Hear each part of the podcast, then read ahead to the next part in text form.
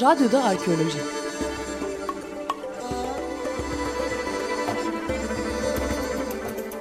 Bir arkeoloji programı.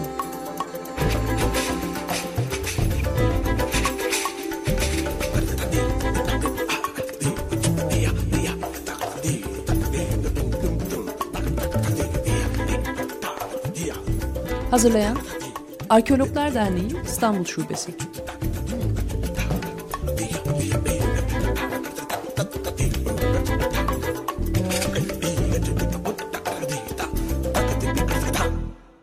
Sevgili Açık Radyo dinleyicileri, e, Radyoda Arkeoloji programının bugünkü konuğu İstanbul Teknik Üniversitesi Mimarlık Fakültesi Mimarlık Tarihi Anabilim Dalı öğretim üyesi Doçent Doktor Aygül Ağar. Hoş geldiniz hocam.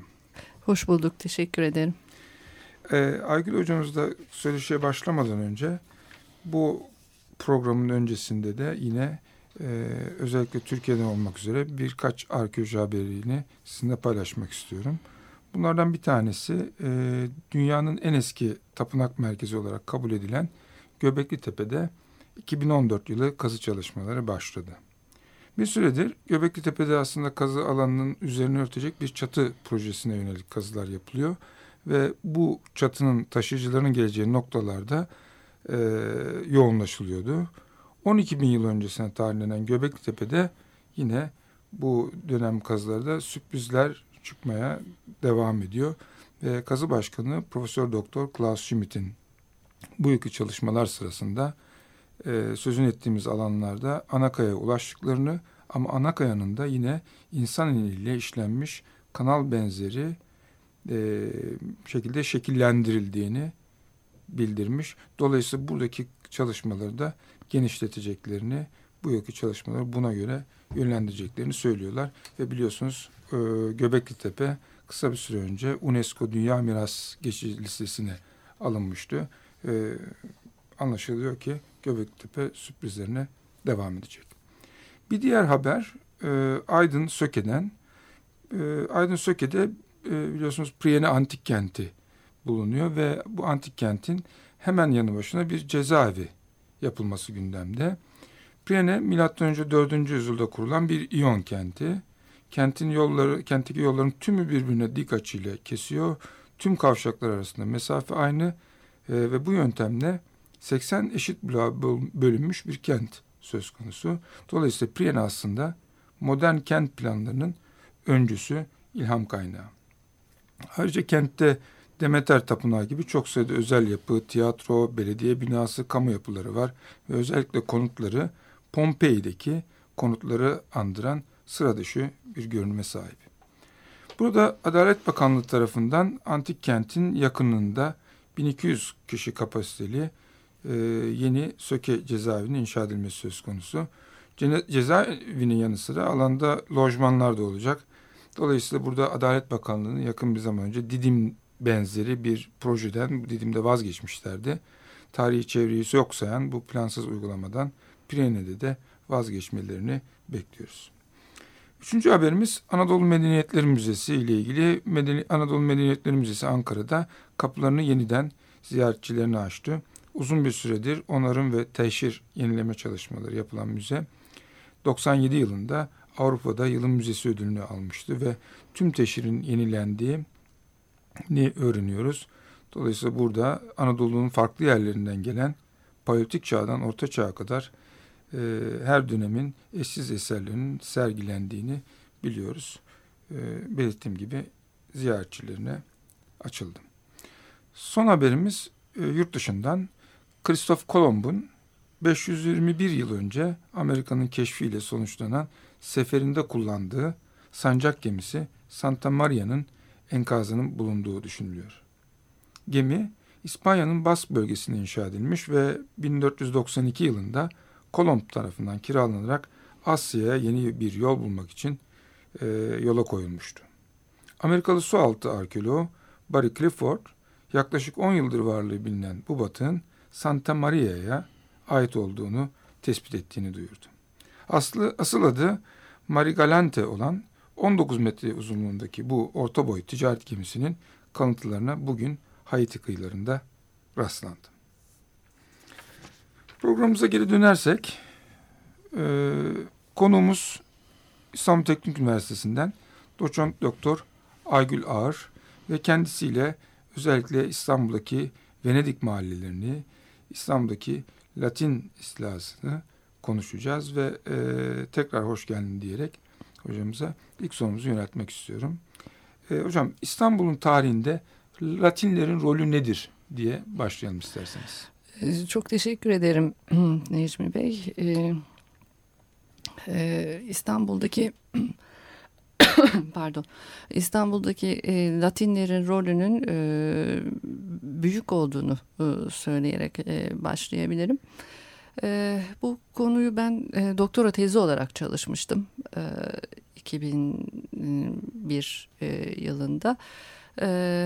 Ve epey bir zamanımı aldı. Venedik'te de çalıştım. Gerçekten e, başladığımda bu konunun bu kadar yoğun olduğunun farkında değildim. E, sonradan e, çok büyük e, bir etkiye sahip olduklarını e, Latinlerin İstanbul tarihinde büyük bir etkiye sahip olduklarını belgeler aracılığıyla tanık oldum.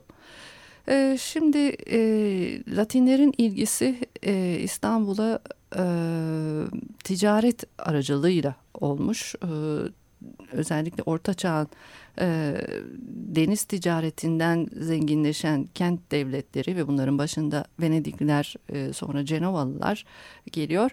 E, İstanbul'un e, Haliç'te güney sahiline e, yerleşmeye başlıyorlar. Aslında ilk gelenler e, verilere göre Amalfililer. E, ondan sonra e, Venedikliler, Pizalılar ve sonra Cenevizlileri e, görüyoruz. Hatta arada e, hatta biraz daha önce e, Müslümanlar da var. Yani Bizans döneminde e, Müslümanlar çok ayrı bir e, konu. Onların da ticarette e, etkili oldukları anlaşılıyor.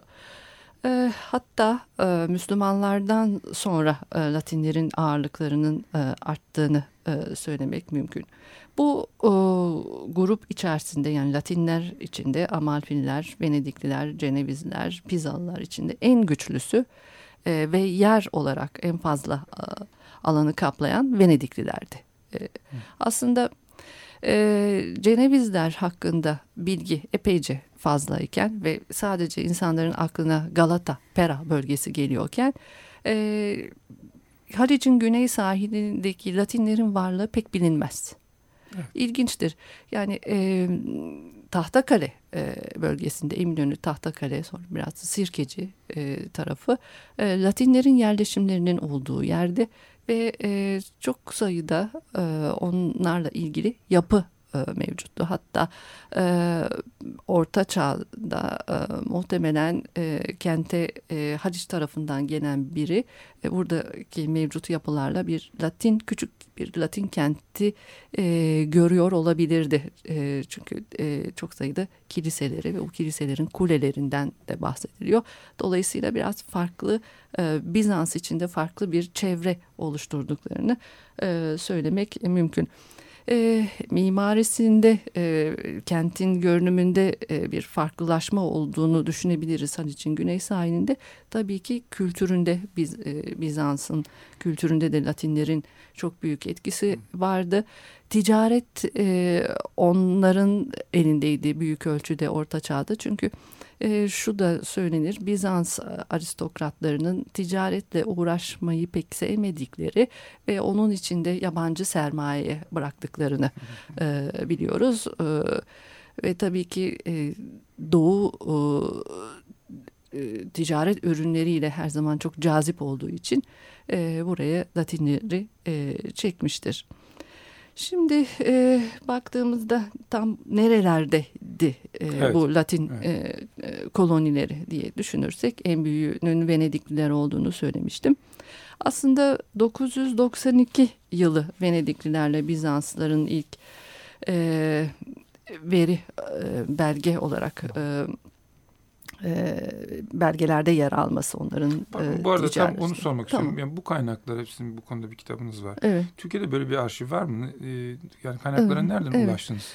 Venedik'te e, çalıştım. Venedik arşivinde özellikle e, o dönemde görevliyken Venedik arşivinde görevliyken Maria Pia Pedani'nin e, çok bana faydası olmuştur. E, arşivde yönlendirmiştir. E, aslında e, bazıları da yayınlanmıştır Latince kaynakların. Yani hem Bizans tarihini de Latince kaynaklardan aslında güçlendirmek e, mümkün.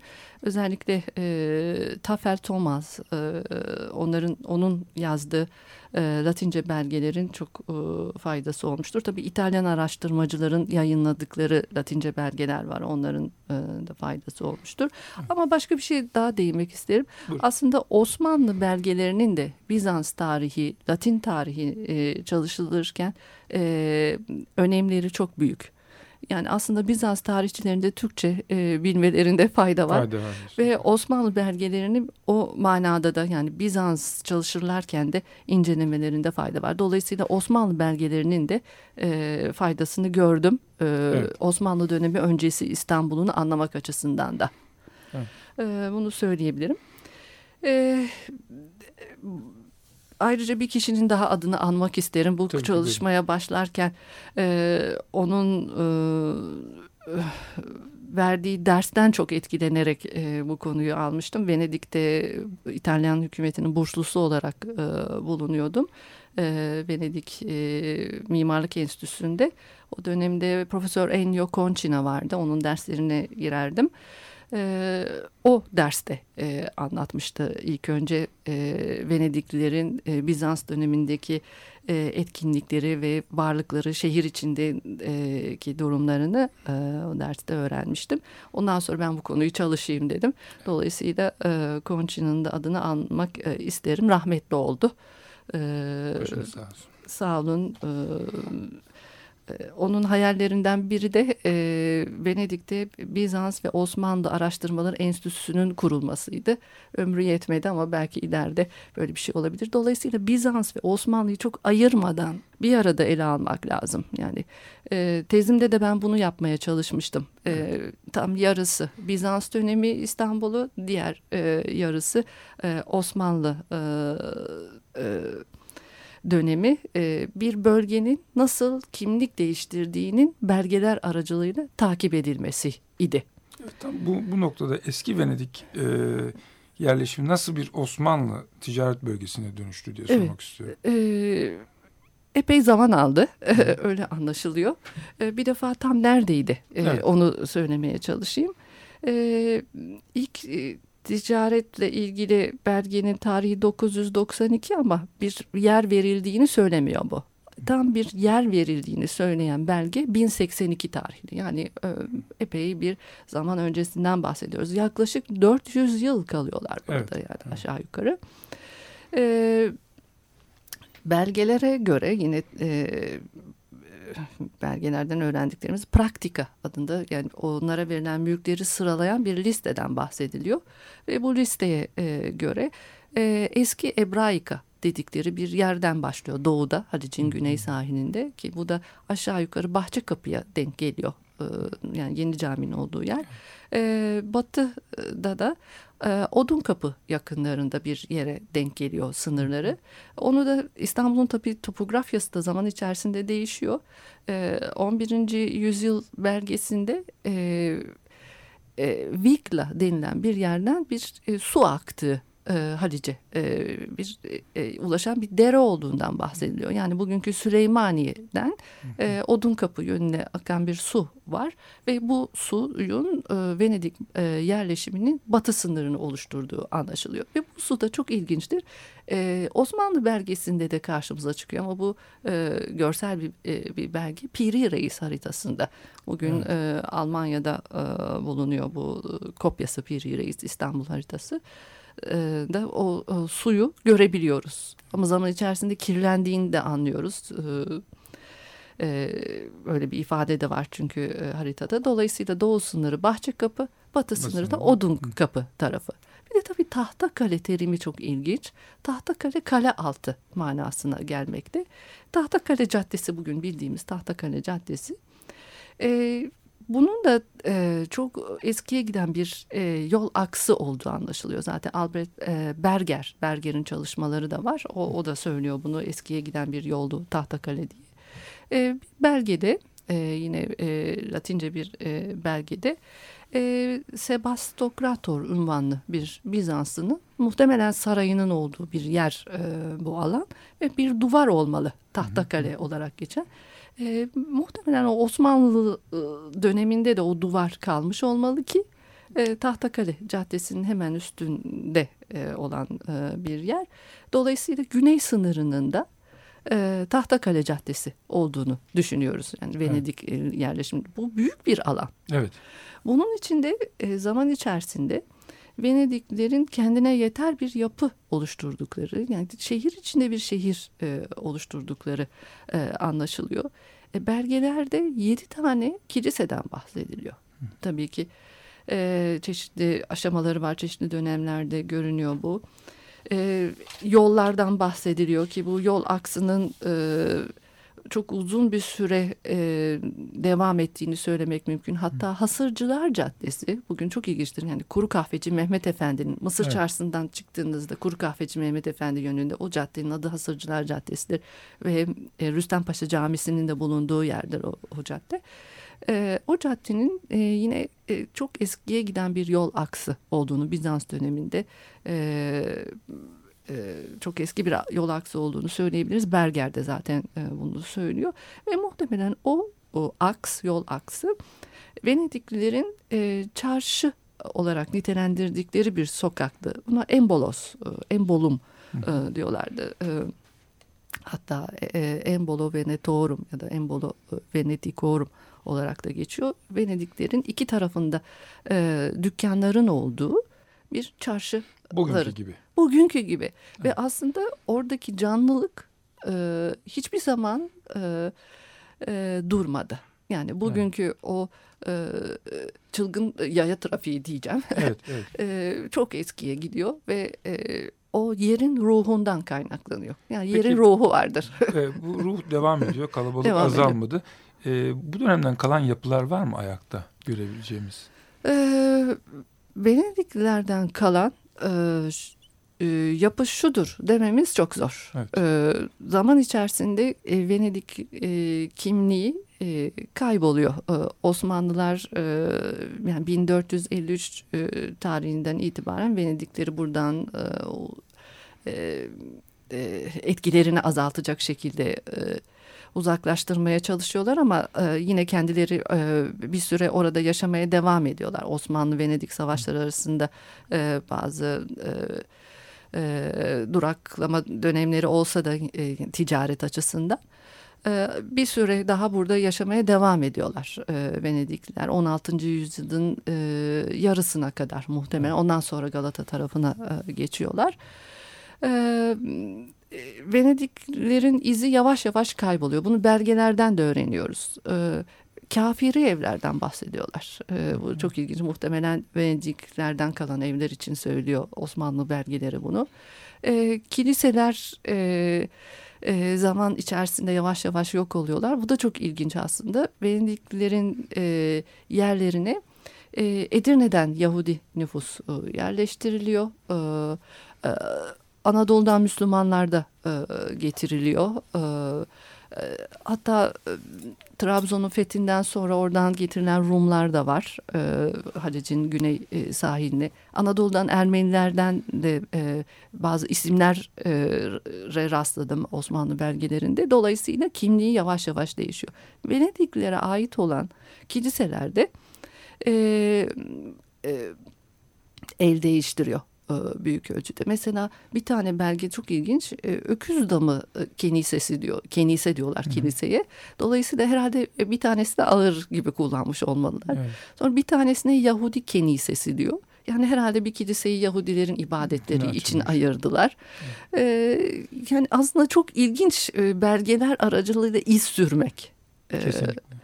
E, Peki bu e, Galata'ya geçiş nasıl gerçekleşiyor Cenevizlilerin? Venediklilerin, Cenevizlerin, Cenevizlerin. Cenevizlerin, Cenevizliler de e, başında e, yani Latin işgali e, öncesinde, 4. Haçlı Seferi öncesinde e, Halic'in güney sahilindeler. Hatta e, tam tarihi belli değil ama 1155 tarihini e, verenler var. Cenevizlerin İstanbul'da bir e, yerleşim elde etmeleri, koloni kurmaları, kurmalarıyla ilgili.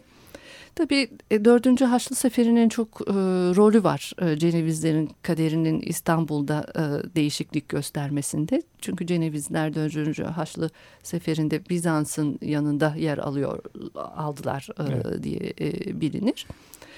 E, 4. Haçlı Sefer'in ardından e, ödüllendirmek adına e, Cenevizlileri e, hala e, Halic'in güney sahilindeler e, bir kısa bir süre.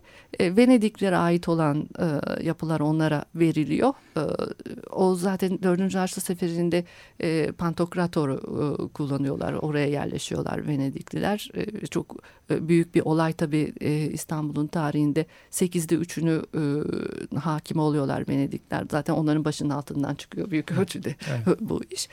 E, ve e, Cenevizliler Bizans'ın yanında e, yer aldıkları e, için e, ödüllendiriliyorlar. Yani e, 1261 yılında e, bir anlaşma e, yapılıyor. İşte Nimfeon Anlaşması İzmir Kemal Paşa e, o günkü yeri. E, Venediklerin e, yapıları onlara e, veriliyor. Sonra 1267 yılı Galata'ya geçişleri Geçişleri, ile geçişleri. ilgili bir tarih. Tabii Galata aslında e, tamamen boş bir alan değil. Yani çok seyrek ama yapılaşma var. Ve yavaş yavaş Cenevizler e, Galata'ya yerleşiyorlar. E, Venediklilerin Galata tarafına geçmesi de 16. yüzyılın yarısını e, buluyor. Evet. Peki bu Pera bağları bilinen bölge neresi? Pera bağları çok ilginç. E, Galata e, surlarının dışında kalan e, yerler e, bugünkü e, Taksim'e yakın olan e, bir yeri e, söyleyebiliriz. Oraya yavaş yavaş yerleşmeye başlıyorlar. Özellikle 16. yüzyılda e, daha fazla e, talep olduğunu söyleyebiliriz. Çünkü veba hastalığından da çok korkulduğu için böyle sıkışık yerlerde yaşamak istemiyorlar. Hava dar hem de manzaraya hakim bir yer. Biraz şehirden kaçış içinde pera bağlarına e, gidiyorlar. E, 16. yüzyılda işte e, Venedikliler pera bağlarında bir yer ediniyorlar. Bugünkü Venedik Sarayı'nın bulunduğu yerin tarihi 16. yüzyıla kadar geri gidiyor. Geri gidiyor. evet. E, ilginç e, ama 16. yüzyılda aslında e, yabancıları Pera tarafına çeken bir başka unsur elçilikleri e, yabancılar zaten Cenevizler var ama 16. yüzyılda e, elçilikleri e, çeken bir unsur da e, e, Alvise Gritti'nin konağı olsa gerek diye de e, düşünüyorum aslında. Çünkü 16. yüzyılda hakikaten böyle çok şaşalı bir yapısı olduğu anlaşılıyor. E, Stefan Gerlach bunu çok güzel anlatıyor. E, e, Giritti öldükten e, sonra e, terk edilmiş haldeyken e, Giritti'nin konağını gören biri e, taş bir konaktan bahsediyor. İki kollu merdiveni vardı, içi resimlerle doluydu diye. Herhalde Rönesans e, yapılarının buradaki bir yansıması gibi de düşünebiliriz. O ayrı bir konu ama o da çok e, ilginç bir konu. E, e, daha derin e, çalışılmayı da bekliyor. Peki bütün bunlara hem Tahtakale yani Venediklerin ilk yerleştiği yerler, Galata, e, Pera bağları Osmanlı döneminde neye dönüşüyor? Osmanlı'da e, bu nüfus ve bu yerler nasıl bir dönüşüm geçiriyor? Şimdi e, Halic'in güney sahiline e, dönersek işte nüfusun yavaş yavaş değiştiğini orada söylemiştim. E, fetihten hemen sonra buraya işte Venediklerin yerine Yahudiler yerleştiriliyor ve ticaret büyük ölçüde Yahudilerin eline geçiyor aslında burada. E, ama Müslüman nüfus da var tabii ki e, mescitler yapılıyor ve onun çevresinde Müslümanlar e, yerleşiyorlar. E, e, şu ilginç aslında e, ticaret e, ve e, dini yapı e, birlikteliği e, ilginç. E, Rüstem Paşa e, Camisi'nin buradaki inşasının e, e, ilginç olduğunu düşünüyorum yer seçimi açısından. E, Rüstem Paşa'da ticaretle ilgili bir e, e, biliyorsunuz kişi olarak da biliniyor politik görevinin e, dışında. Özellikle niye buraya seçmiştir diye. Çünkü altı hakikaten e, çarşı e, işlevinde olan bir camidir. Üst katı ibadet için kullanılmıştır. O Embolo Venetorum'da e, Rüstem Paşa Camisi'nin oluşu e, çarşı ve e, ibadet yapısı hı hı. birlikteliğinin devam ettiğini gösterir. Bugün de bunun e, farklı formatları var ama aynı e, kurguda değil. Peki burada Venedik, Osmanlı ve Cumhuriyet söylediğiniz e, bu ortak nokta Eminönü, Tahtakale ve ticaret üzerine kurulu evet. bir sistem.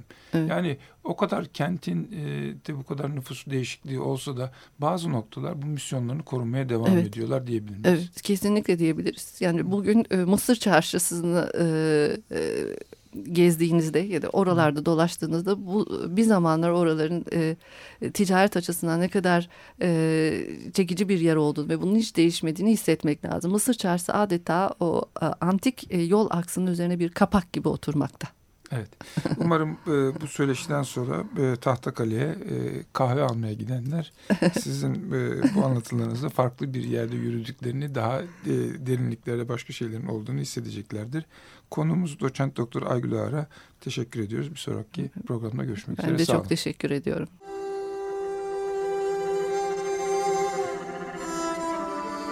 Radyoda Arkeoloji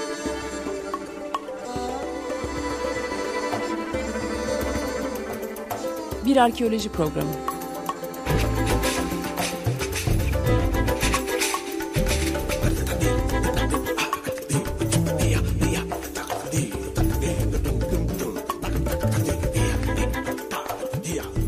Hazırlayan Arkeologlar Derneği İstanbul Şubesi.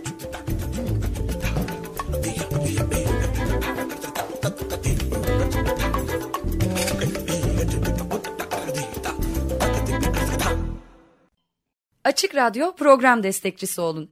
Bir veya daha fazla programa destek olmak için 212 alan koduyla 343 41 41